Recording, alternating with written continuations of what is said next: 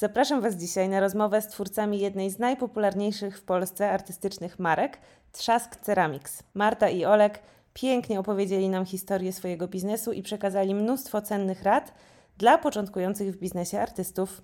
Rozmawiamy o targach, social mediach, organizacji, pracy we dwoje i o tym, co jest potrzebne, żeby nasz biznes rozkręcić. A właśnie Marta i Olek są świetnymi osobami do tego, żeby e, takich rad udzielać. Więc zapraszam Was bardzo serdecznie do słuchania. Dzień dobry, e, Marto i Olku. Bardzo mi miło Was powitać w podcaście Zawód Artystka. Cześć, dzięki za zaproszenie. Cześć, cześć, dzięki. Zawsze słuchamy podcastów w pracy, więc miło znaleźć się po drugiej stronie.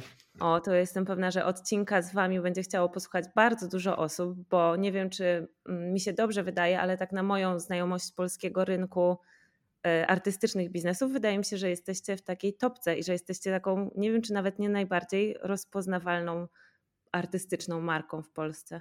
Dobrze to brzmi, ale nie wiem, czy to prawda. Staramy się za dużo o tym nie myśleć na bieżąco, żeby nie, Mhm. nie, nie narzucać sobie zbędnej presji. Ale o tym będę chciała z Wami dzisiaj pogadać i popytać, bo właśnie każdy, kto będzie słuchał tej rozmowy, będzie chciał wiedzieć, jak do tego doszliście i jak to wszystko wyglądało i też jak wygląda prowadzenie takiego biznesu dzisiaj. Więc w takim razie, Marto, jak to u Was się zaczęło? Jak zaczęła się historia Waszego artystycznego biznesu? Zaczęła się w 2017 roku, więc już y, wchodzimy w siódmy rok prowadzenia trzasku i na początku ja zaczynałam tą przygodę sama, y, a w 2020 roku Olek do mnie dołączył, kiedy zaczęła się pandemia i okazało się, Olek dodam, że wcześniej był kucharzem, pracował w restauracjach i po prostu te gastronomie się zamknęły i on do mnie dołączył już na stałe. To jest E- tak, że ja wcześniej pomagałem i nosiłem rzeczy albo, albo asystowałem Marcie na różnych targach, natomiast rzeczywiście zaczęło się od, od Marty i jej warsztatów kilka lat wcześniej. Tak, tak, tak. Dla Olka to właściwie była jakaś taka dodatkowa praca. W każdej wolnej chwili y, on mi pomagał i przychodził do mnie.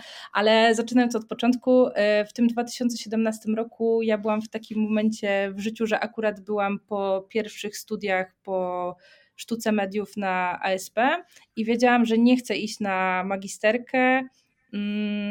I tak trochę z nudów stwierdziłam, że pójdę na grafikę, bo bardzo dużo wcześniej rysowałam i stwierdziłam, że to będzie po prostu świetny pomysł, żeby zapełnić sobie ten czas i w tym czasie wymyślić po prostu, co, co chcę robić i gdzie pracować.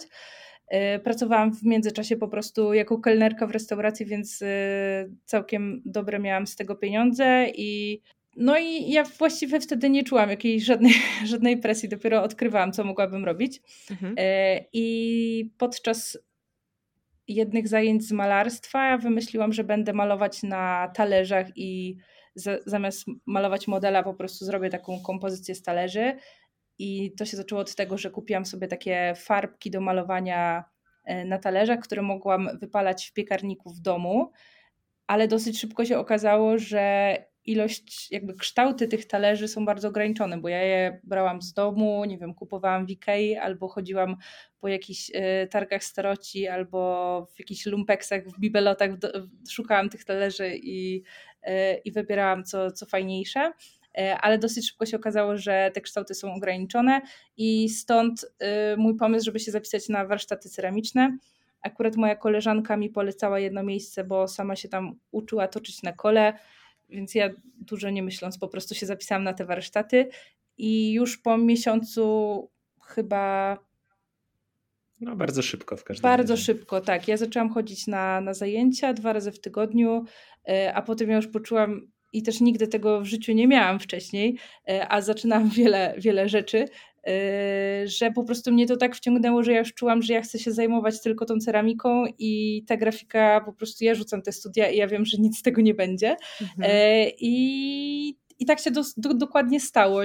Jakby nie wiem, nie wiem, czy polecam taką metodę, e, ale to było bardzo impuls, impulsywne i szybkie i, i po prostu jakoś tak zaufałam swojej intuicji.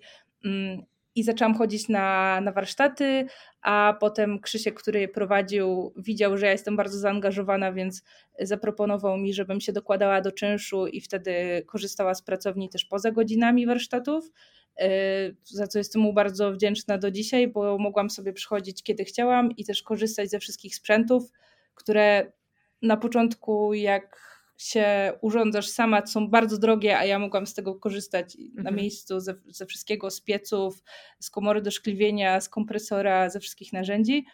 E, I chwilkę tam e, pochodziłam w taki sposób, wydaje mi się, że około roku, półtora, jednocześnie też mając pracę, która opłacała mi te moje zajęcia. Mm, I już właściwie po, po półtora roku już miałam tak dużo rzeczy w domu. Już y, my mieliśmy szafki zapełnione ceramiką. Y, trochę rozdawałam y, z rodzinie, trochę rozdawałam znajomym. Moi znajomi też zaczęli jakoś mnie wspierać i właśnie kupować ode mnie te rzeczy. No i długo nie myśląc, pojechaliśmy na swoje pierwsze targi i, mhm. i tak to wyglądało.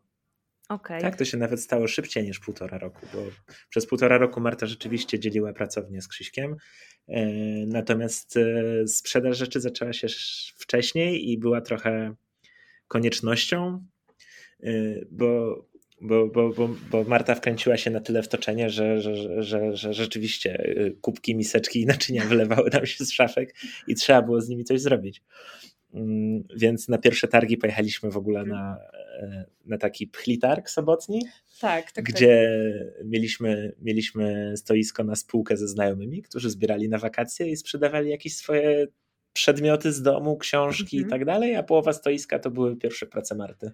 Okej, okay, to widzę taki, wiecie, pierwszy punkt zaczepienia, czyli że Marta odkrywa nową pasję, wkręca się na maksa w ceramikę, zaczyna tworzyć tyle ceramicznych e, cudeniek, że one się już wylewają z szafy i postanawiacie pojechać na jakieś pierwsze targi, żeby e, zacząć to sprzedawać. A 7 lat później macie po prostu dziesiątki tysięcy followersów na Instagramie, na TikToku, jesteście królami wszystkich e, targów, na jakich się pojawicie i wiecie, macie super, ekstra, świetnie prosperujący biznes.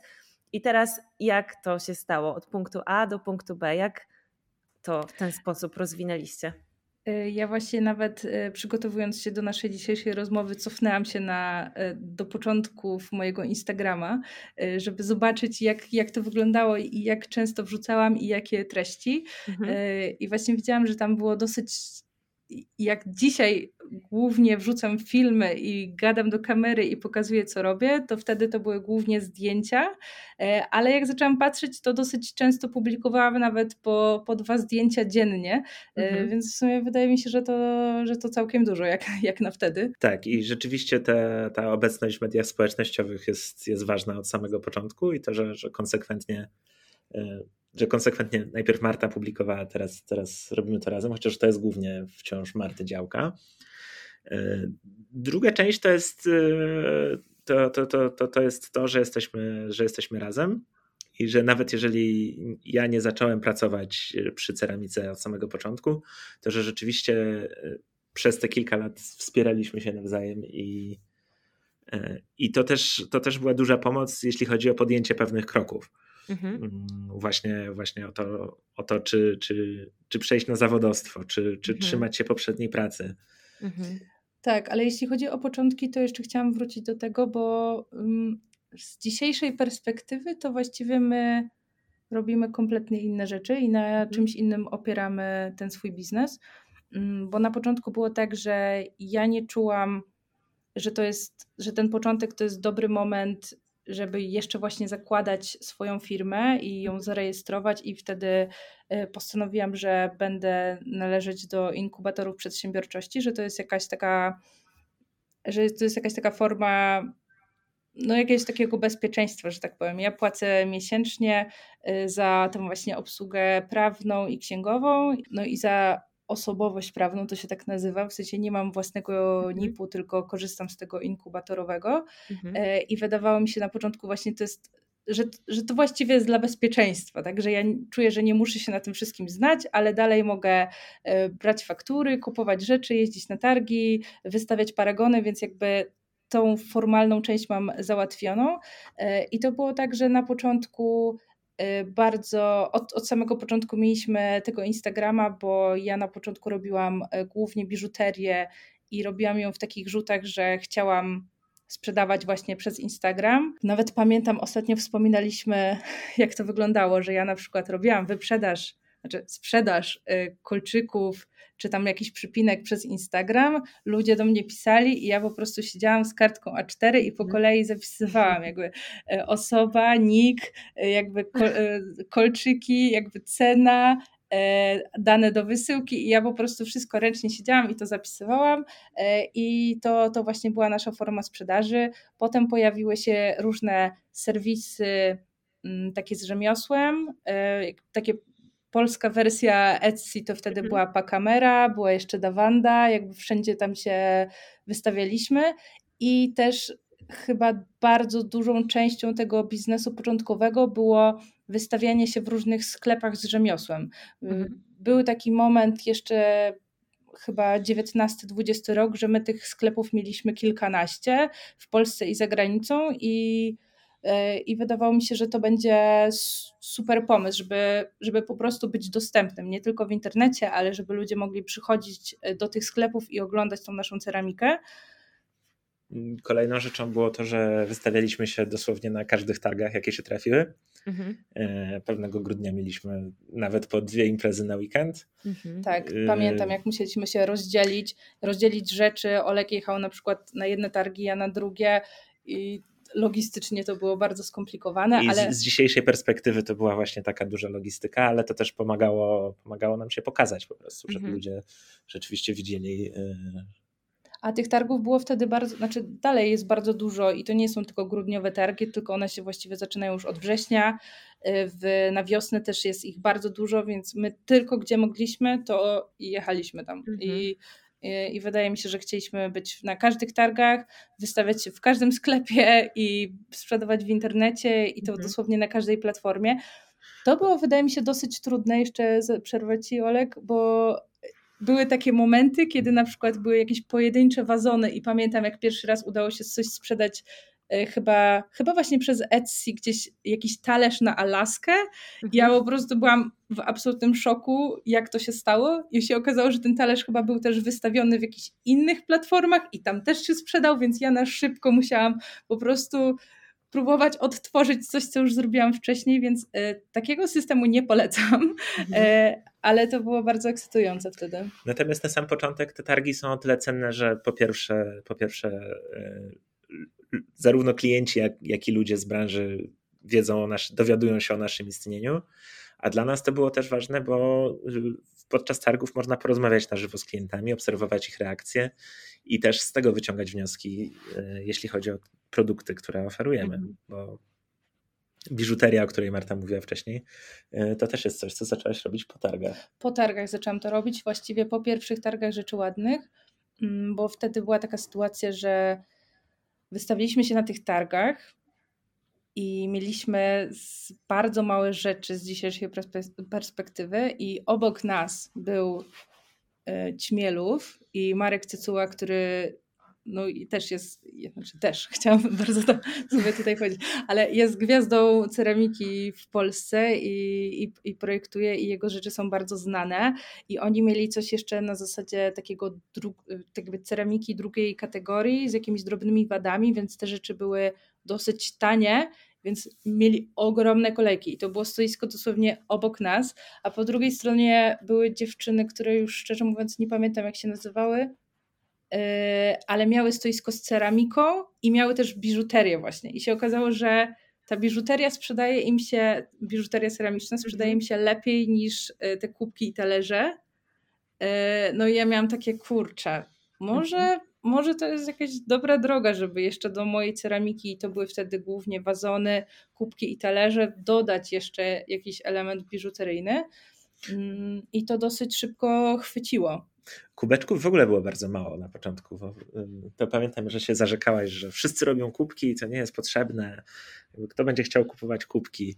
Tak, I ja wtedy... Wydaje mi się, że z dzisiejszej perspektywy to jest dosyć zabawne, bo kubki są teraz e, naszym znakiem rozpoznawczym i najlepiej tak. sprzedającym się produktem. Tak. Ale to mhm. była Marta z 2018 roku, która zrobiła badanie rynku na podstawie jej własnej głowy i obserwacji, mhm. czyli mhm. nie, dalej nie polecam takiej metody, bo ja po prostu stwierdziłam, że wszyscy robią te kubki. To, to po prostu nie ma sensu. Ile możesz mieć kubków w szafie? A okazuje się, że bardzo dużo i że to jest jednak ulubiony przedmiot i to jest też taki przedmiot, który świetnie dać komuś na prezent, podarować y, na, na, na jakieś urodziny, więc nagle się okazuje, że to jest nasz główny przedmiot, który teraz robimy. Tak, więc wracając do, do pierwotnego pytania, tak, tak żeby to zebrać do kupy, to, to z jednej strony to jest, to jest konsekwencja mm, w prowadzeniu, w prowadzeniu y, działalności i w, w publikacji na, na socjalach i, i, i rzeczywiście w tym powolnym budowaniu rozpoznawalności i, i bazy klientów. E, natomiast jeśli chodzi o sam o same przedmioty wytwarzane przez trzask, to to się zmieniało wielokrotnie i, i często bardzo, bardzo gwałtownie. Mhm. Więc y, wydaje mi się, że to też jest jedna, jedna z, jeden z tych elementów, które sprawiły, że nam się udało i udaje dalej. Mhm. To jest właśnie ta zdolność adaptacji i, i, i, to, że rzeczywiście nie, nie trzymamy się kurczowo jednej rzeczy, mhm.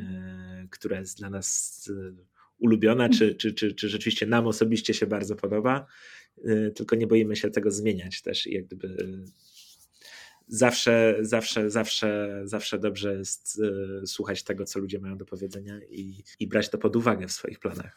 To ja jeszcze dodam dwie historie. Na tych pierwszych targach byliśmy we dwójkę i mieliśmy też zeszyt i za każdym razem jak ludzie po raz 50 nam mówili, że nasz kubek jest za ciężki, albo mhm. y, pytali się, nie wiem, czy da się myć zmywarce, czy dlaczego to szkliwo jest matowe, a nie błyszczące. I jakby milion tych, tych wszystkich pytań, my je wszystkie zapisywaliśmy, bo ja stwierdziłam, że to jest po prostu to są ci ludzie, którzy tutaj do nas przyszli, zainteresowali się naszymi rzeczami, chociaż na chwilę spojrzeli i oni mają coś do powiedzenia, więc stwierdziłam, dobra, to jest jakby, to, to są ci ludzie, których powinniśmy teraz słuchać. Mhm. E, no a jeszcze do tych początków dodam, że mm, ja też brałam absolutnie każde zlecenie możliwe, które mi wtedy wpadło w rękę. E, I to też jest w sumie bardzo dobry sposób, bo po tym czasie wiem, że no, że niektórych zleceń po prostu nie chcę robić. I to jest mhm. Y, i, i właściwie teraz wychodzi na to, że nie robimy już żadnych zleceń, no bo no bo jakby raz, że finansowo nam się to przestało opłacać, a dwa, że my też chyba mamy coraz mniej satysfakcji jakby z projektów, które wy wykonujemy z innymi firmami, e, a dużo więcej przyjemności sprawia nam robienie rzeczy tylko jakby swoich, zaprojektowanych mhm. przez siebie i sprzedawane przez własną platformę. Ale do, do, do tego modelu sprzedaży też trzeba było dojść. Tak. Jakby przejść przez, e, przejść przez e, parę różnych rzeczy, których, e, które nam sprawiły trochę trudności, mhm. albo mm, że, że, że też te doświadczenia są potrzebne, żeby wiedzieć, żeby znaleźć swoją niszę i sposób, swój sposób pracy, tak? taki, jaki mhm. nam się, taki jak nam odpowiada. To jest ciekawe bardzo w ogóle, co opowiadacie. I ja ostatnio, y, im więcej rozmawiam właśnie z twórcami i takimi ludźmi, którym się udało w cudzysłowie, bo oczywiście to nie mm. jest żadne e, ślepe szczęście, zbudować taki biznes oparty na pasji, na sztuce z sukcesem, tym bardziej widzę właśnie, że macie jakieś takie cechy wspólne, że przede wszystkim i te historie wasze mają cechy wspólne. I jednym z, takim, z takich elementów, który się powtarza najczęściej jest taka chyba determinacja i takie po prostu naprawdę, że ci ludzie robią dużo rzeczy i wy, wystawiają się w wielu miejscach, próbują, wiele prób podejmują, wystawiają się na feedback, biorą go pod uwagę, że to nie jest tak, że ja sobie coś stworzę, wrzucę zdjęcie na Instagram i będę czekała, aż kto ode, ktoś to ode mnie kupi, tylko naprawdę ilość prób i takich strzałów, które się podejmuje, że może za którymś razem coś się uda, jest bardzo duża, że to jest jak taki eksperyment i żeby jakieś wnioski móc wyciągać, to trzeba zebrać dużo danych, nie? Ja właściwie dopiero mm, w momencie, kiedy wynajęłam własną pracownię, bo już czułam, że też się fizycznie nie mieszczę z rzeczami właśnie w tej pracowni Krzyśka.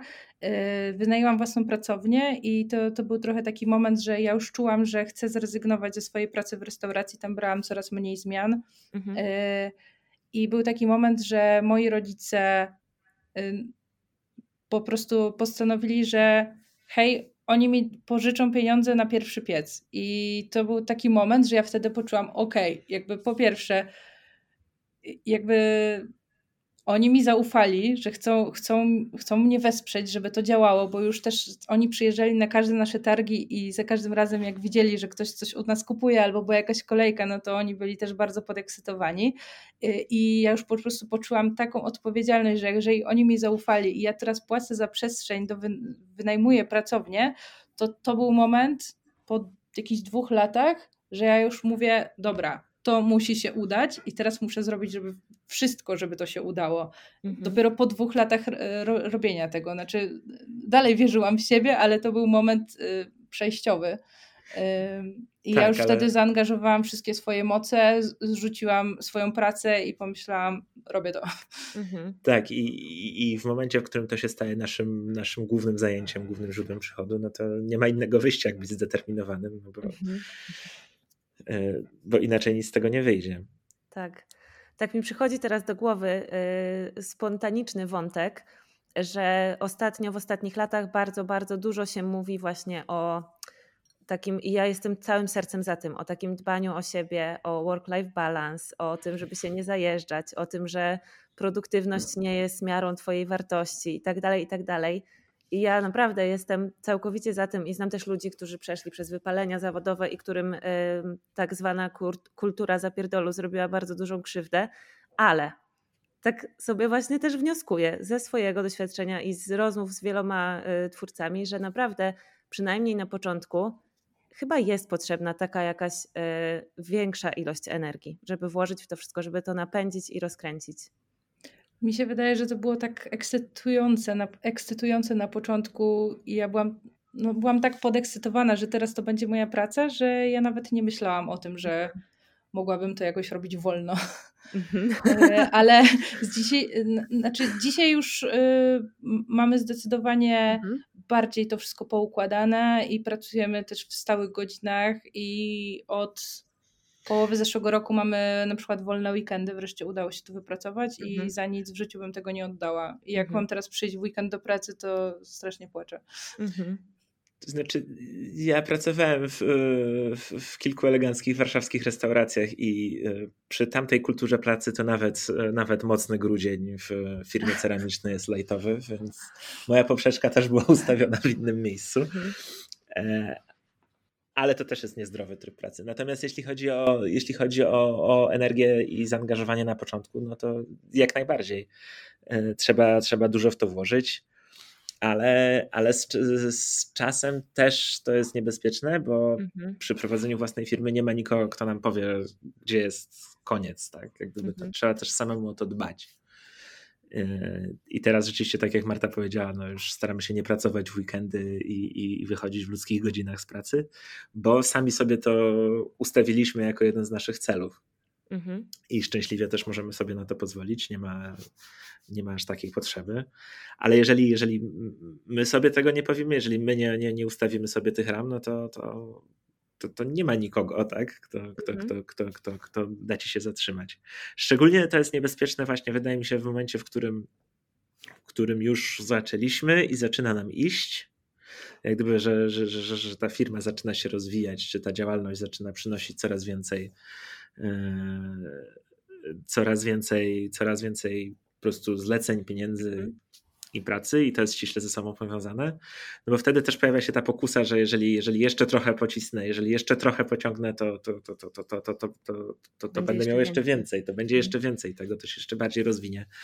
I, i, i, to jest też taki niebezpieczny moment, bo, bo dużo pracy na początku zawsze jest, zawsze jest potrzebne. To się też wiąże z tym, o czym mówiliśmy w poprzednim wątku, właśnie z tym próbowaniem, z mhm. szukaniem nowych modeli, patrzeniem na, na to, co wyjdzie, co nie wyjdzie, i, i, i to też jest coś, co zajmuje dużo czasu. Natomiast ten krok później jest, jest, jest wydaje mi się właśnie o tyle niebezpieczny, że, że, że, już idzie, już, już znaleźliśmy rozwiązanie, które, które zaskoczyło i model, który, który zaczyna działać.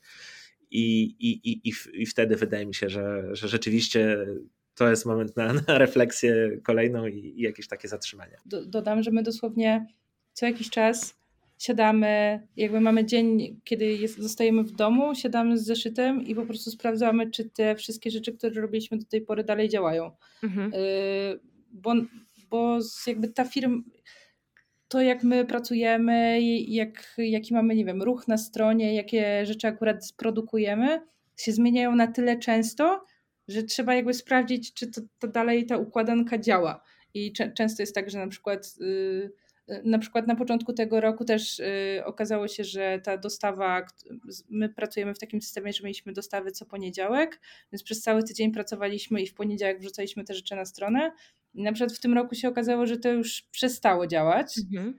i że możemy dalej pracować tak samo, ale wrzucać te dostawy co dwa tygodnie i nagle się okazało, że to daje nam właściwie, to daje nam tyle samo pieniędzy, ale daje nam dużo więcej czasu i do swobody na pracowanie i w międzyczasie, nie wiem, nagrywania też materiałów na, yy, na wszystkie media społecznościowe i, i mamy też więcej swobody, czy właśnie w odpisywaniu na, mail, na maile, yy, więc nagle się okazało, że taka mała zmiana, a robi ogromną różnicę. Mm, no i to trzeba po prostu sprawdzać. Niczego jakby nie brać za pewnik, że to będzie trwało jakoś długo. Jasne. Fajnie, że zaczęłaś już, y, poruszyłaś delikatnie wątek właśnie mediów społecznościowych, bo chciałam też o to zapytać, bo opowiedzieliście o tym elemencie targów i, i tak dalej na początku waszego biznesu, ale właśnie y, działacie też bardzo prężnie i macie super y, wyniki z tego, co widzę przynajmniej w mediach społecznościowych.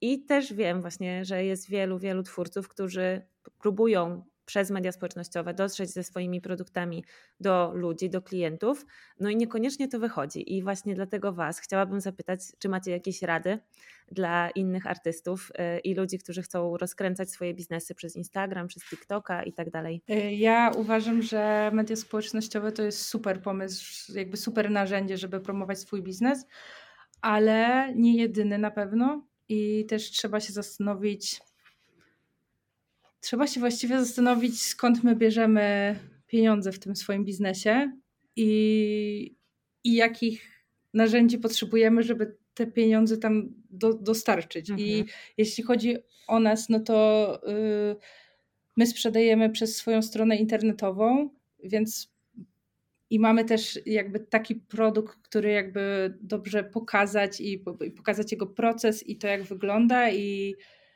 I wydaje mi się, że jeśli chodzi o naszą dziedzinę, to to jest świetne narzędzie, ale no trzeba by się zastanowić, jakby czy to pasuje po prostu do Twojego biznesu, bo może, bo może są właśnie lepsze sposoby, no, albo po prostu nie wiem, być być lokalnie, nie, nie wiem, czy jakby na przykład każda kawiarnia musi mieć Instagrama, mhm. tak? Y, czy każda restauracja musi mieć Instagrama. Może mogłaby po prostu mieć y, świetny profil na Google albo na jakichś takich y, portalach właśnie bardziej gastronomicznych. No, no, nie wiem, jakby trzeba, trzeba dopasować te narzędzia.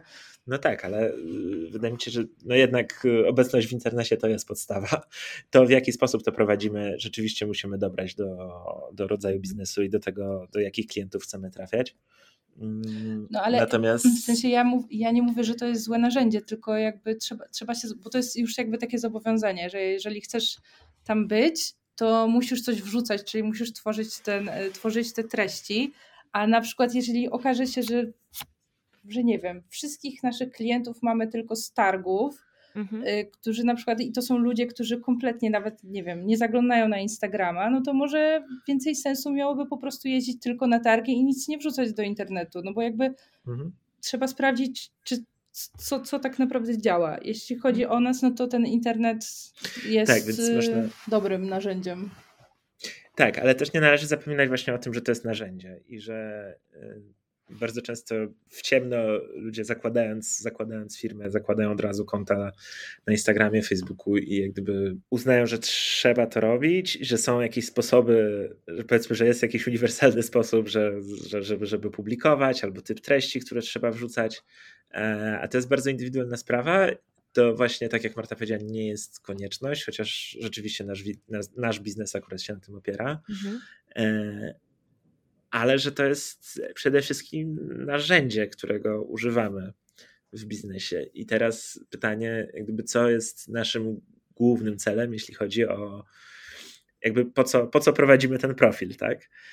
Y, I jeżeli, jeżeli się nad tym zastanowimy i później zaczniemy to analizować, no to też łatwiej będzie nam zaplanować po prostu typ treści, który, który chcemy robić. I, I tak jest też w naszym przypadku, prawda? Tak, zdecydowanie. Przepraszam. E, u nas się zaczęło, właśnie to właśnie o tym chciałam powiedzieć, że jakby jak zakładałam to w 2017 roku, to był oczywiście Facebook, jakby wtedy najważniejszy. Był już też wtedy Instagram, który też już właściwie prężnie działał, więc wiadomo było, że trzeba było założyć tego Facebooka Instagrama, mieć maila i jakby te wszystkie podstawy. Yy, no ale właśnie wydaje mi się, że ludzie, którzy teraz na przykład zakładają jakieś swoje firmy, to oni czują, że muszą być wszędzie i że od razu jeszcze, jeszcze TikToka, Pinteresta, mhm. tik, yy, nie wiem, yy, nagrywać filmy na YouTube'a i to jest zwykle tak, że po prostu zaczynają się tak rozpraszać, wrzucają bo właściwie na każde medium prawie trzeba trochę inne treści nagrywać, nie wiem, na YouTubie nagrywać y, poziome filmy, na Instagrama pionowe filmy i jakby to jest wszystko tak rozproszone, że zamiast jakby skupić się na tej pracy, co jest najważniejsze i co jest priorytetem tutaj, y, to po prostu zaczynają tak się rozkładać i też dosyć szybko wtedy zaczynają się męczyć, no bo to jest -hmm. bardzo ciężka praca, żeby przygotować jakby tyle treści i to potem jakoś zaczyna umierać śmiercią naturalną, no bo oni też jakby właśnie za dużo wzięli na początku mm. na siebie i no i to zaczyna powoli, yy, powoli umierać.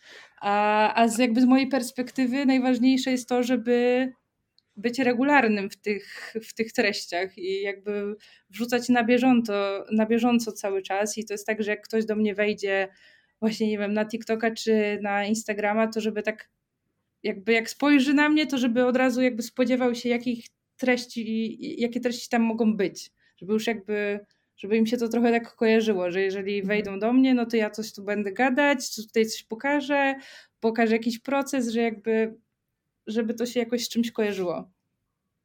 Tak, no i ta regularność też jest bardzo ważna, bo y, jeżeli wrzucamy jedno zdjęcie na miesiąc, no to potem nie ma co się dziwić, że, że to nie rośnie. Prawda jest taka, że, że, że zarówno na TikToku, jak na Instagramie algorytmy lubią, lubią regularność, lubią częste publikacje i, i, i, i jeżeli, jeżeli planujemy rozwijać konto w mediach społecznościowych, no to, to, to nie ma wyjścia. Trzeba, trzeba znaleźć na to czas i, i traktować to też jako, jako, ważną część, jako ważną część biznesu.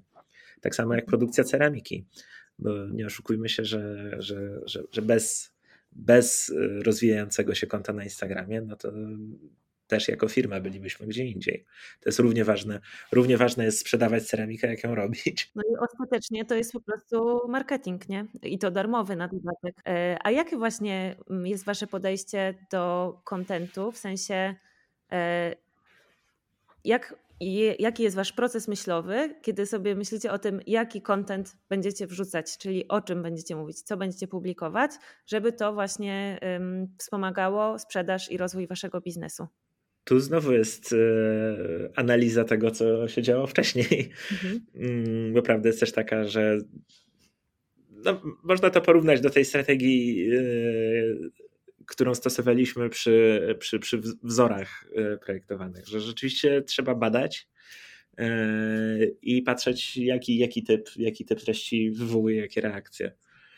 E, druga rzecz to było też nauczenie się pokazywania nas samych i jak gdyby włączenie nas jako osób y, do, do, do treści firmowych, to że rzeczywiście to nie, to nie jest tylko ceramika, tylko to jesteśmy też my, Marta i Olek. Wydaje mi się, że to jest y, trochę tak, że tak jak pytasz się dla początkujących osób, bo no. też jakby faktycznie zaczynamy siódmy rok tego biznesu, więc to już mhm. trochę trwa od samego początku. Mamy media społecznościowe, więc u nas to się pewnie już inaczej rozwija ale wydaje mi się, że jak ktoś dopiero zaczyna, no to to jest super okazja, żeby przetestować dosłownie każdą formę jakby tego postowania, mhm. że i dosłownie trochę się tym pobawić, bo jeszcze nikt cię nie obserwuje, więc właściwie nikt na to nie zagląda, więc możesz robić sobie wszystko i, i tyle, i to potem zginie w tych treściach wszystkich, które wrzucisz później.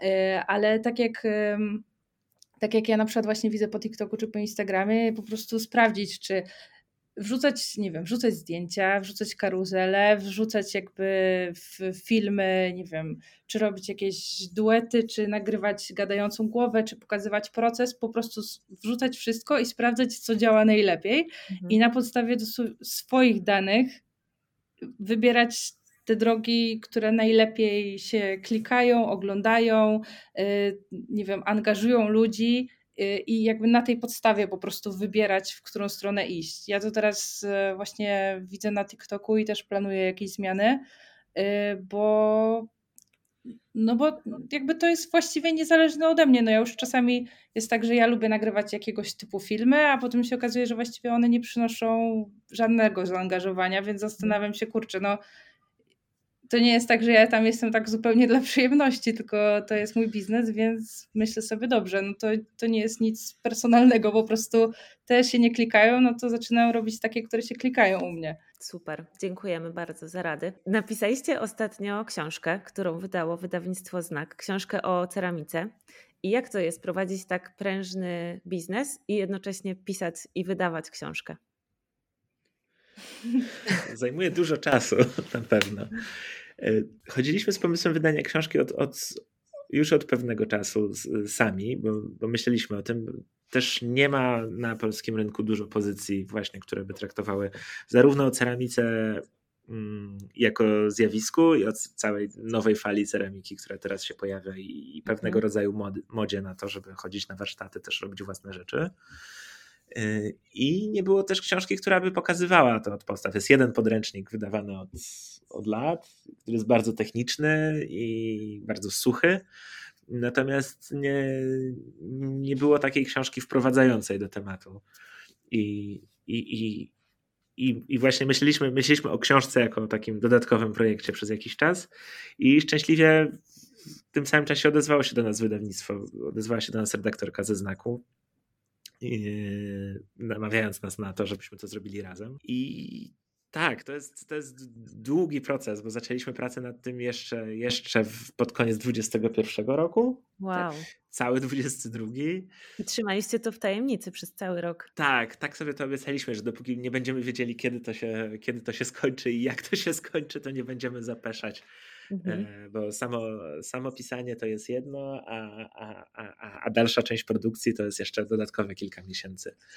Ja Więc... zwykle nie wytrzymuję z takimi tajemnicami, od razu chcę powiedzieć całemu światu, że nad czymś pracuję, bo wydawało mi się, że samo, sam ten proces pisania książki to też jest e, super rzecz, że już jakby na tym etapie pisania można o tym opowiadać i zacząć tą właśnie promocję i marketing, e, ale dobrze, że tego nie zrobiłam, bo ta data premiery się przesuwała chyba Kilkukrotnie. Kilkukrotnie mhm. e, i musiałabym cały czas mówić, że nie, poczekajcie jeszcze chwilę, jeszcze chwilę, więc jakby dobrze, że poczekaliśmy trochę dłużej. E, no ale w końcu się udało i bardzo, bardzo nas cieszy zobaczyć tą książkę w papierowej wersji. Tak, jak dostaliśmy pierwszy egzemplarz, e, nasz pierwszy egzemplarz to był tak naprawdę taki mock-up, nie do końca mhm nie była jeszcze ostateczna wersja, ale, ale, ale już była wydrukowana, więc y, to była taka właśnie makieta do pokazywania też na filmikach, także było widać już, że, że, że ta książka istnieje. I to było dosyć niesamowite uczucie. Mm, rzeczywiście zobaczyć owoc tej pracy i to, co, co do tej pory było tylko na ekranie komputera, już w fizycznej formie, to była bardzo duża satysfakcja. Jaka idea Wam przyświe przyświecała przy tworzeniu tej książki i dla kogo ona jest, ta książka?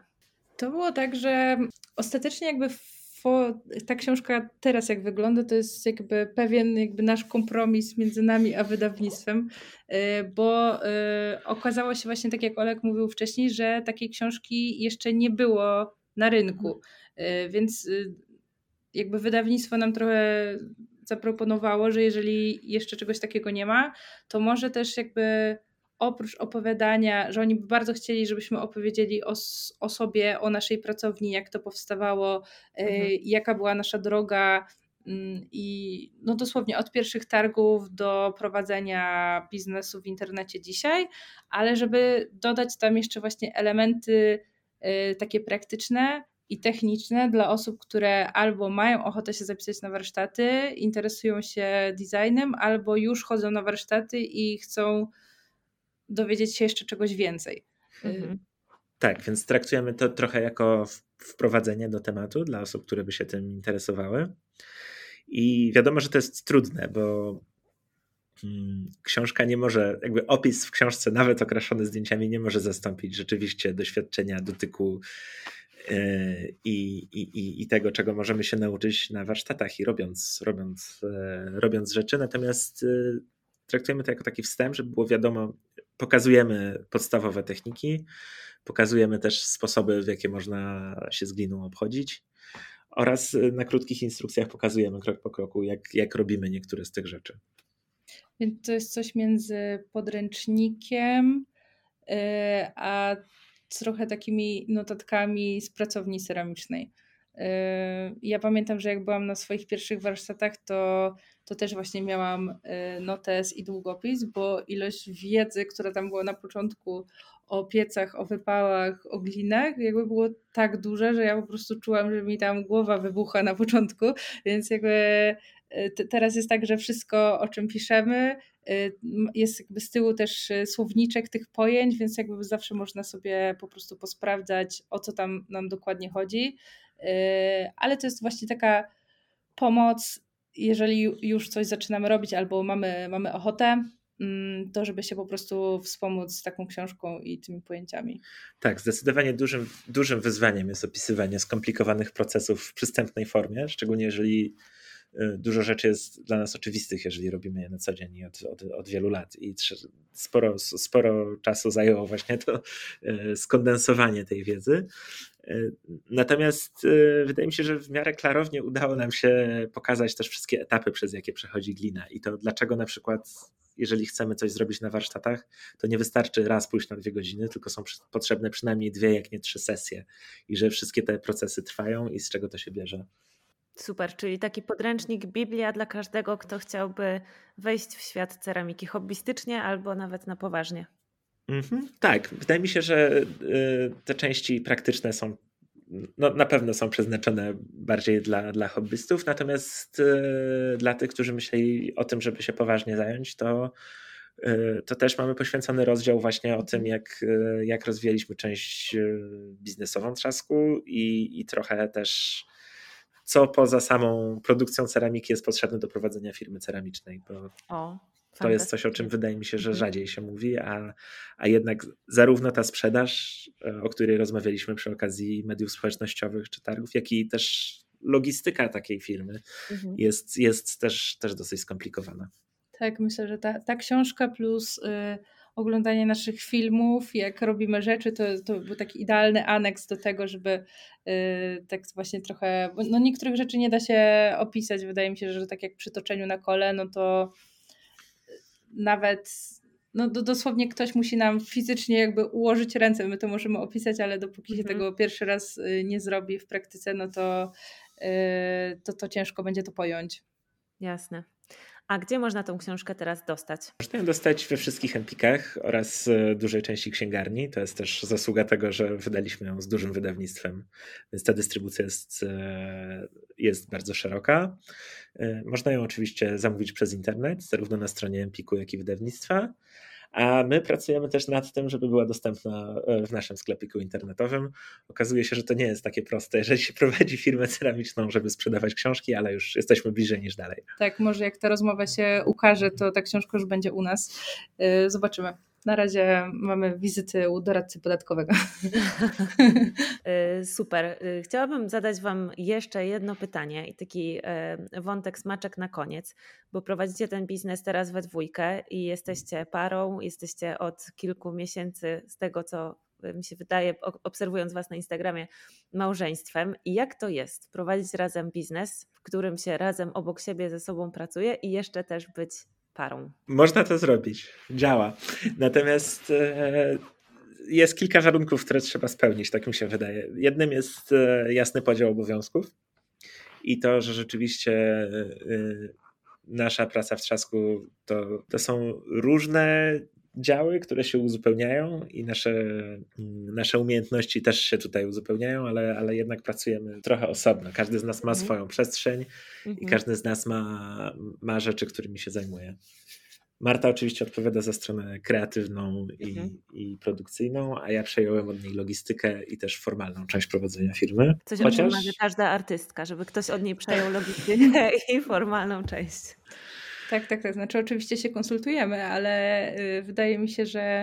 A ja też czasem ubrudzę ręce, ale jednak y, przez podstawowy zakres obowiązków jest, jest jasno podzielany. Tak, mhm. znaczy no, myślę, że tutaj nie ma y, żadnego szablonu, żeby to jak, jak najlepiej się tutaj pracuje jako para y, w, w pracowni, ale wydaje mi się, że na pewno dużym plusem jest to, że poziom zaufania do siebie jest tak duży, że mhm. możemy sobie spokojnie oddawać. Znaczy, że tak po pierwsze tak samo bardzo nam zależy na tym, żeby to działało, Mhm. Y, I, I że nasze wynagrodzenie zależy od tego, jak pracujemy i jak bardzo nam na tym zależy, to myślę, że to jest duży plus. No minusem jest to, że chyba, znaczy właściwie nie wiem, czy to jest minus, że właśnie widzisz się cały czas z tą osobą, chociaż my to rozwiązaliśmy w taki sposób, na początku pracowaliśmy w jednym pomieszczeniu razem, e, ale teraz mamy osobne. Teraz już mamy osobne pomieszczenia, więc bardziej się trochę tak widujemy na kawę albo po prostu piszemy do siebie SMS-y, e, żeby coś tam skonsultować. E. Ale jeśli chodzi o ten podział przestrzenny, to też to, co wydaje mi się ułatwia to pogodzenie życia służbowego z prywatnym, jest to, że y, nie mamy pracowni w domu, że y, mhm. pracownia jest fizycznie oddzielona od naszego mieszkania i to jest inna przestrzeń i raczej i staramy się tych, tych, tych granic pilnować. Natomiast jeśli chodzi o zalety pracy razem i, i, i bycia razem, to jest właśnie to zaufanie, o którym Marta mówiła, ale też to, że możemy, że możemy, między, że możemy ze sobą rozmawiać i na bieżąco jak gdyby weryfikować swoje pomysły, trochę o nich dyskutować i że ta pierwsza, jakby pierwsza selekcja się odbywa między nami. Mhm. Tak, my, my właściwie to, to wygląda tak, że w drodze do pracy omawiamy plan na dziś. I to jest tak, że ja, y, ja kocham listy, więc jakby ja piszę cały czas listę za listą, jakby rzeczy, które y, dzisiaj trzeba zrobić, które są do, do zrobienia w tym tygodniu i omawiamy tą listę i tak realnie patrzymy, czy to w ogóle się uda dzisiaj zrobić i, i, i tak na spokojnie to przeanalizować. E, potem właściwie każdy pracuje osobno, a jak wracamy, wracamy z pracy, to, to znowu mhm. gadamy o tym, co się udało, a co trzeba przepisać na jutro, bo jednak plan był zbyt ambitny na dzisiaj na przykład. E, planowanie i analiza to jest coś, co się pojawia przez cały ten podcast. I to jest pomyślał, rzeczywiście, jak prowadzić, jak prowadzić biznes kreatywny, no, musisz dużo liczyć i pilnować terminów. To nie jest bardzo ciekawe, ale to rzeczywiście tak. ważne. Ale ja polecam e, bycie po prostu zorganizowanym i wydaje mi się, mhm. że te listy nam bardzo pomagają, bo e, my odkąd e, ten biznes już, y, to nasza pracownia działa od jakiegoś czasu, no to y, też jakby też lepiej nam się pracuje, jesteśmy lepiej zorganizowani, więc zajmuje nam to trochę mniej czasu niż na początku. I nagle się okazało, że możemy ten wolny czas poświęcić na jakieś swoje zajawki. I my po prostu teraz musimy być zorganizowani, zrobić wszystko szybko, żeby był czas na życie. Właśnie a propos tych jeszcze mediów społecznościowych, to ja tutaj się pochwalę za Olka, ale Olek ma taką zajawkę, że y, ma Lego właśnie ze swojego dzieciństwa i teraz to wszystko zaczął y, na nowo składać i postanowiliśmy, że będziemy to wszystko nagrywać właśnie na Instagram i na TikToka tak, I teraz więc... po pracy mamy kolejne jako, kręcenie. Jako zabawkowy TikToker korzystam z doświadczeń e, firmy ceramicznej i skilli Marty, e, które o, tym razem A, zaprzęgam w służbie swojego hobby. Jak się nazywasz na TikToku? Olek Kozielski po prostu, tak jak się nazywam. I to jest swoje stare Lego. Ciekawe, że chciałeś się podzielić tą swoją pasją i wybrałeś jako miejsce TikToka, a Instagram nie, tak? Na Instagram też to wrzucam, ale TikTok przede wszystkim, bo wydaje mi się, że to jest, e, to jest dobre medium do nagrywania takich krótkich wideo. I jest też bardzo bardzo szeroka publiczność, e, która, która, która na bieżąco i szybko reaguje na to, na to co pokazuje. Mhm. Tak, a ja w międzyczasie, e, jak przez ostatnie te, te 7 lat, 6 lat wrzucam mhm. E, cały czas rzeczy do internetu, to okazało się, że ja po prostu bardzo też to lubię i bardzo lubię kręcić i montować i teraz mogę się trochę właśnie wyżywać kręcąc jeszcze rzeczy, rzeczy Olka i jak on składa to Lego. E, więc ja po prostu stawiam sobie po prostu tutaj kolejne wyzwanie, żeby, żeby to jakoś rozhulać i przetestować wszystkie jakieś swoje zajawki. No i to też jest dobra, do, dobra wprawka formalna, bo można się trochę pobawić montażem, można, można trochę zaszaleć, yy, popatrzeć na inne rzeczy, bo ostatecznie no to co się stanie, jak wrzucę głupi filmik z mhm. klockami. Nie ma, nie ma, nie ma takiej presji jak przy, przy, przy, kanale, przy kanale służbowym. Tak, tak, tak. No właśnie jest dużo więcej wolności, tak mi się wydaje. Okej, okay, a to jeszcze e, wrócimy na chwileczkę do tego wątku mediów społecznościowych, bo Trzask publikuje i działa na Instagramie i na TikToku, prawda? Mhm. I wy wrzucacie to samo na te dwie platformy, czy tworzycie treści osobno na te dwie platformy? E, Powinniśmy tworzyć osobno, nie zawsze to się udaje, ale najlepiej, e, naj, naj, najlepiej działają, działają treści stworzone specjalnie Mhm. Bo one się trochę różnią. Jest, y, różni się publiczność, mhm. różni się trochę formuła i nie zawsze to, co działa na Instagramie, zadziała automatycznie też na TikToku. Mm, no tak, w sensie wydaje mi się, że na początku, jak y, na początku pandemii ja założyłam to konto w 2020 roku, y, to ta publiczność się różniła. Teraz wydaje mi się, że coraz bardziej jakby więcej osób jest i tu, i tu. Mhm. Ja na przykład teraz y, przez ostatnie pół roku też miałam przerwę od tego TikToka i dopiero teraz z powrotem wrzuciłam, y, wróciłam do, do tej platformy. Y, I, i te, teraz mam taką metodę, że nagrywam i montuję wszystko nie bezpośrednio w rolkach czy tam na Instastory, tylko wszystko robię to po prostu na telefonie przez, przez kamerę telefonu. Montuję to w, w programie i od razu tam często nagrywam y, dźwięk i po prostu taki plik wrzucam na Instagram oddzielnie i na TikToka oddzielnie.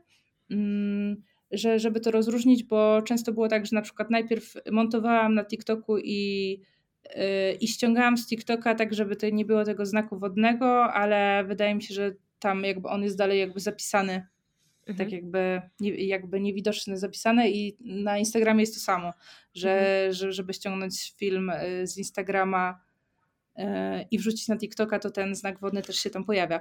Y, więc teraz po prostu robię to oddzielnie i po prostu wrzucam te filmy, ale mam nową, nową technikę wrzucenia na TikToka. Nie wiem, czy to się sprawdzi, ale postanowiłam tego TikToka trochę traktować jak Instastory instagramowe Mhm. I trochę się mniej przejmuję i po prostu potrafię czasami wrzucić kilka filmów dziennie i tak mhm. tak naprawdę tam nigdy nie wiadomo, który ten film tak wystrzeli i, i pójdzie jakimś wiralem, więc tak naprawdę zwykle jest tak, że ten, który przygotuje w 5 sekund i, i, i on po prostu nagle idzie i, i mogę się już jakby do niego odnosić. Mhm. E, ale jakby ja to ja właściwie teraz wydaje mi się, że więcej czasu spędzam na TikToku niż na Instagramie. Bardzo polecam to narzędzie. Tylko trzeba sobie, mm, jeżeli ktoś ma wątpliwości na początku, jakby trochę dopasować y, ten swój fit. Na początku właśnie Olek założył dopiero tydzień temu y, TikToka i dopiero teraz przedarł się przez te treści mm -hmm. i mm -hmm. wreszcie mu się pokazuje to, co chciałby Coś oglądać, a nie to, co się pojawia. Tak, tak, tak. Y Natomiast od, od, od, strony prowadzenia biznesu, no to wydaje mi się, że cały czas Instagram jest, e, jest numerem jeden. Przynajmniej jeśli chodzi a. o nasze liczby, że znacznie jakby trudniej jest, trudniej jest przełożyć duży ruch i wyświetlenia mhm. na TikToku w ruch na stronie, na sprzedaż. Mhm. Tak. Ale z TikToka, pojawia, z tak. TikToka tak. też się pojawia w statystykach sklepu. Pojawia się w sklepie, ale te, jakby te, te proporcje, proporcje powiedzmy wyświetleń do yy, wyświetleń do, do, do, do, przejścia na stronę, wyświetleń do sprzedaży są znacznie inne niż na Instagramie. Mhm. Pewnie z czasem to się będzie też zmieniało i rozwijało na tym TikToku, nie? Tak, tak, tak. No ale ja też widzę na przykład różnicę, że w tym 20 roku y, bardzo szybko było, ja przez dwa lata tak cały, cały czas publikowałam, bardzo szybko było tam jakby ten ruch się napędzał i bardzo łatwo było zdobywać y, te polubienia i mhm. tych nowych obserwujących. Teraz widzę, że to się mocno zatrzymało i, i znowu jest ciężej, no ale, mhm. Ale no to jest bardzo ciekawe. Ja w ogóle mogę się podzielić taką jedną małą radą, którą odkryłam ostatnio, bo to było, znaczy może to jest oczywiste dla wszystkich, nie wiem, dla mnie w ogóle nie było, y, bo ja, ja też jestem taka, że cały czas potrzebuję robić jakieś nowe rzeczy i wprowadzać jakieś nowe produkty, nowe wzory i cały czas na przykład z tym kręceniem na Instagram też myślałam sobie, kurczę, no jakby spróbuję czegoś nowego, tutaj ustawię statyw tak, zmontuję to jakoś inaczej, I cały czas chciałam, bo myślałam sobie, że jeżeli cały czas będę pokazywać to samo, to te treści będą nudne dla moich obserwujących e, i nikt nie będzie chciał tego oglądać. A jeśli chodzi o właśnie o TikToka i o Instagrama, no to się okazuje, że w ogóle ten przyrost y, jakby osób nowych, które cię obserwują, to w ogóle im nie o to chodzi, żebyś ty robiła cały czas coś nowego, tylko oni przychodzą tam dla ciebie i jakby oni chcą zobaczyć to, co ty zawsze pokazujesz. Mhm. Ale nie musisz cały czas tego zmieniać. I wydaje mi się, że. Zobaczyli, jak cię zaobserwowali i po to cię zaobserwowali pewnie. Tak, tak, tak. I że to, że na przykład dla mnie to jest nudne, na przykład po jakimś czasie, żeby cały czas pokazywać, jak maluję coś, mhm. to, to nie znaczy, że to jest nudne dla tych osób. Więc yy, wydaje mi się, że trzeba po prostu jakby spojrzeć na, na te swoje media społecznościowe, tak jak. Yy, tak jakby się było jakimś takim po prostu, no właśnie, no nie ekspertem, ale tak to przeanalizować, jakby dosłownie spojrzeć na te suche liczby i zobaczyć, które filmy y, najlepiej y, się odtwarzają i dosłownie przeanalizować, jakby jakie one mają cechy wspólne. Bo mhm. i właśnie na TikToku to było dla mnie zaskoczeniem, że na przykład za każdym razem, kiedy wrzucam film stoczenia, Y, na kole, no to on się wyświetla najlepiej, mimo że jakby to nie jest w ogóle mój ulubiony film do wrzucania. Y, no ale właśnie zaczęłam to analizować i często jest tak, że właśnie albo zaczynam dokładnie takim samym zdaniem y, ten film, albo on jest zmontowany podobnie, tak jak na przykład w przypadku teraz Olka i to, jakie on Lego wrzuca, no to właśnie to jest też bardzo, bardzo ciekawe, no bo ty już jakby wrzuciłeś kilka filmów, to jest bardzo podobna forma, która nam się bardzo podoba i ty też, ty też możesz dużo powiedzieć, bo e, film jest zmontowany, a Olek e, nagrywa potem dźwięk dodatkowo i opowiada historię o tych klockach. E, no i nagle się okazuje, że, że ta forma, którą wybraliśmy, działa. Więc jakby możemy teraz zastanawiać się nad treścią. Że, że mamy pewien szablon, który jest w jakiś sposób skuteczny i możemy go potem powielać i, i możemy wtedy więcej czasu poświęcić na treść i co jest super, bo mhm. wtedy te treści są coraz lepsze, y, a, a ta forma już jest po prostu jakimś szablonem, który możemy sobie kopiować dalej. Ale jest jeszcze jeden wątek, skoro wracamy jeszcze do tych mediów społecznościowych, jest jeszcze jeden wątek, który, którego wydaje mi się, że nie poruszyliśmy, a który jest ważny, bo dobrze jest też trzymać rękę na pulsie i patrzeć na narzędzia, które te platformy oferują i to jakiego typu treści e, akurat robić, akurat dobrze jest robić. Bo tak jak spojrzymy na ostatnie 6 lat i na nasze pierwsze, na nasze pierwsze posty na Instagramie, no to były głównie zdjęcia, głównie mhm. fotografie, a teraz 90% naszych treści to jest wideo. Mhm. I że, że rzeczywiście był, był, był moment, w którym trzeba było nauczyć trzymać się. rękę na pulsie, nauczyć się robić wideo, nauczyć się to robić w miarę sprawnie i, i, i szybko bo, bo, rzeczywiście ten środek ciężkości się zmienił, tak? Że, że, że, Instagram w którymś momencie zaczął, zaczął rzeczywiście promować ten format y, filmowy, format rolek i, i, i, ważne było moim zdaniem, żeby się do tego y, szybko dostosować, szybko się mhm. przestawić. Znaczy właściwie to no bo tak, można, nie można, tak? Jakby to jest, to jest trochę tak, że my mówimy z takiej perspektywy, że ja po prostu od zawsze fotografowałam, kręciłam, więc jakby dla mnie to było jakby dosyć proste nauczyć się tych narzędzi yy, i też widzę, że teraz jak właśnie pomagam Olkowi, no to on też po prostu podstawiam mu jakieś narzędzia, których on się uczy i po prostu z filmu na film jest coraz lepiej. Yy, ale wciąż wszystko, ale wciąż wszystko da się złożyć w telefonie, to jest jednak... Tak, tak, tak. No. Duże, duże uproszczenie i że dla mnie na przykład największą, największą blokadą nie było kręcenie filmu, czy, czy, czy montaż, czy te techniczne rzeczy, tylko dla mnie największą barierą było zaczęcie zacząć gadać jakby przełamać własny, własne skrępowanie e, związane, związane z głosem, z pokazywaniem własnej twarzy i tak dalej. Bo, bo strona techniczna wydaje mi się jest coraz łatwiejsza. Strona techniczna jest coraz łatwiejsza. Ja po prostu też polecam oglądać tyle tutoriali, ile się da. Mhm. E, I, I jeżeli chodzi na przykład o filmy, to na przykład spojrzeć, które filmy się tobie wyświetlają i po prostu tak trochę spojrzeć na nie technicznie, jak one, jak one są złożone. Czy Mhm. to są na przykład jeden film się składa z wielu krótkich klipów jakichś sekundowych, yy, czy jest yy, po prostu osoba, która do nas gada, czy jakby jest dźwięk nagrany z offu, jakby, żeby zobaczyć po prostu technicznie, jak to wygląda i dlaczego podoba nam się ta forma. Żeby trochę sobie wybrać, myślę, że nie ma nic złego w tym, żeby yy, żeby po prostu, nie wiem, nawet na próbę spróbować wziąć jakiś film naszego ulubionego twórcy i jakby na podstawie jakby tego narzędzia po prostu zobaczyć, znaczy na podstawie tego filmu zobaczyć, jak on jest złożony i nagrać coś podobnego, w sensie Mhm. ze swoją treścią, ale y, żeby spróbować to zmontować tak, jak on to montuje i czy to jest w ogóle fajne, czy nie fajne. Mm, po prostu testować, tak mi się wydaje. Mhm. No właśnie chyba jest pewien level takiego e, mistrzostwa, można powiedzieć, w tworzeniu treści, do którego też trzeba, myślę, dążyć, jak się właśnie poprzez media społecznościowe chce budować ten biznes, że to naprawdę nie jest tak, że wystarczy wrzucać cokolwiek i to samo się będzie działo, ludzie będą przychodzić, że to jakie te treści są ma znaczenie też bardzo duże, nie? Tak, tak, oczywiście. Yy, I druga rzecz też jest taka, że, że, że, że nie, nie, nie należy bać się też pokazywania siebie, szczególnie przy małym biznesie. Szczególnie Mhm. jeżeli robimy coś sami, to, to widzieliśmy kilka razy są przypadki, gdzie rzeczywiście jednoosobowe działalności próbują e, prowadzić komunikację jak duże firmy. Mhm. A tak zawsze piszą I jako to, my.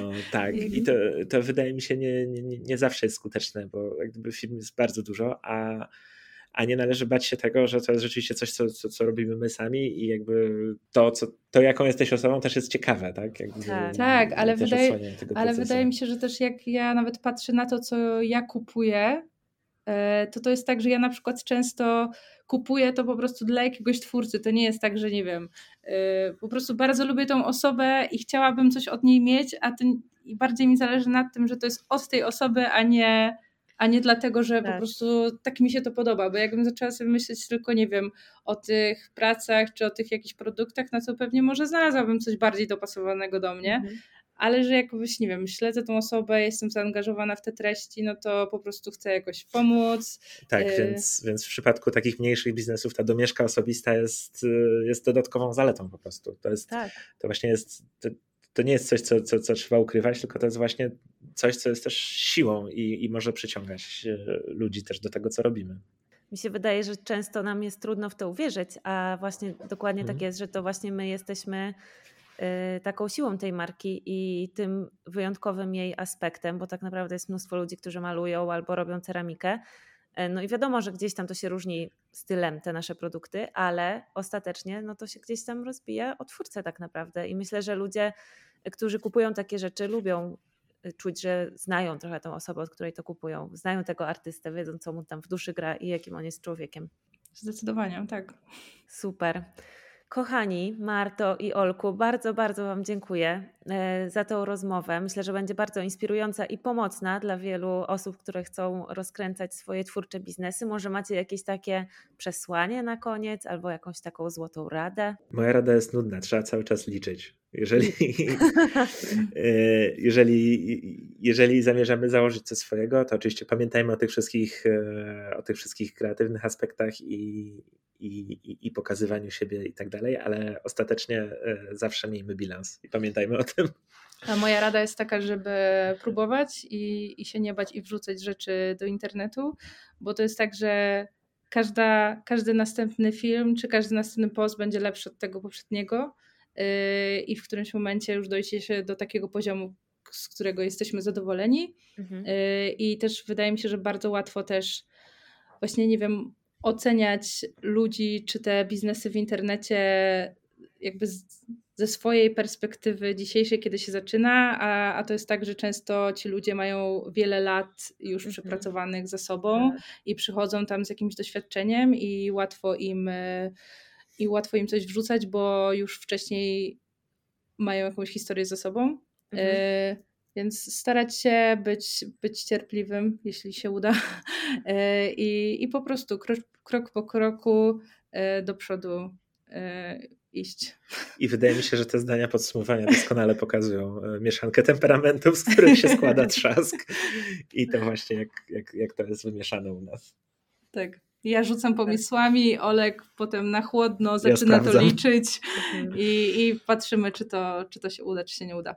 Ojejku, to jest fantastyczne bardzo. Myślę, że takie artystyczne, gorące głowy potrzebują e, takiej osoby, bo nam się często wydaje, że już sam fakt, że jakiś pomysł się w naszej głowie pojawił, to już w ogóle jest powód, żeby go realizować, nie? że to wystarczy, a tych pomysłów zaczyna się w pewnym momencie robić po prostu za dużo. Tak, siedzieć i po prostu zapisywać to na później, bo przyjdzie taki moment, kiedy będziemy gotowi je realizować. E, tak, ja polecam zeszyty, listy, wszystko zapisywać i, i po prostu nie wiadomo, kiedy to się przyda. Fantastycznie. Bardzo Wam w ogóle gratuluję Waszego e, sukcesu, tego miejsca, w którym dzisiaj jesteście ze swoim biznesem artystycznym i oczywiście też wydania książki. Myślę, że to musi być super uczucie wejść do Empiku i zobaczyć tą swoją książkę po prostu wow. E, I dziękuję bardzo za tą rozmowę. Powiedzcie jeszcze, y, jakby ktoś mm, żył gdzieś w jakimś bunkrze i was nie znał, to gdzie was można znaleźć? Tak, to pracownia nazywa się Trzask Ceramics i Nasze konto na Instagramie nazywa się dokładnie tak samo, Trzask Ceramics. E, na TikToku nazywamy się Marti Trzaska, bo zakładałam to jeszcze z, z, innym pomysłem, ale jest pod Marti Trzaska i pod Trzask Ceramics. Yy, yy, I tyle. I strona nazywa się dokładnie tak samo, więc yy, dziękujemy za rozmowę i zapraszamy wszystkich, którzy chcą nas odwiedzić i tam. Dzięki za zaproszenie. Hej. Super, trzymajcie się, pa. Pa, pa.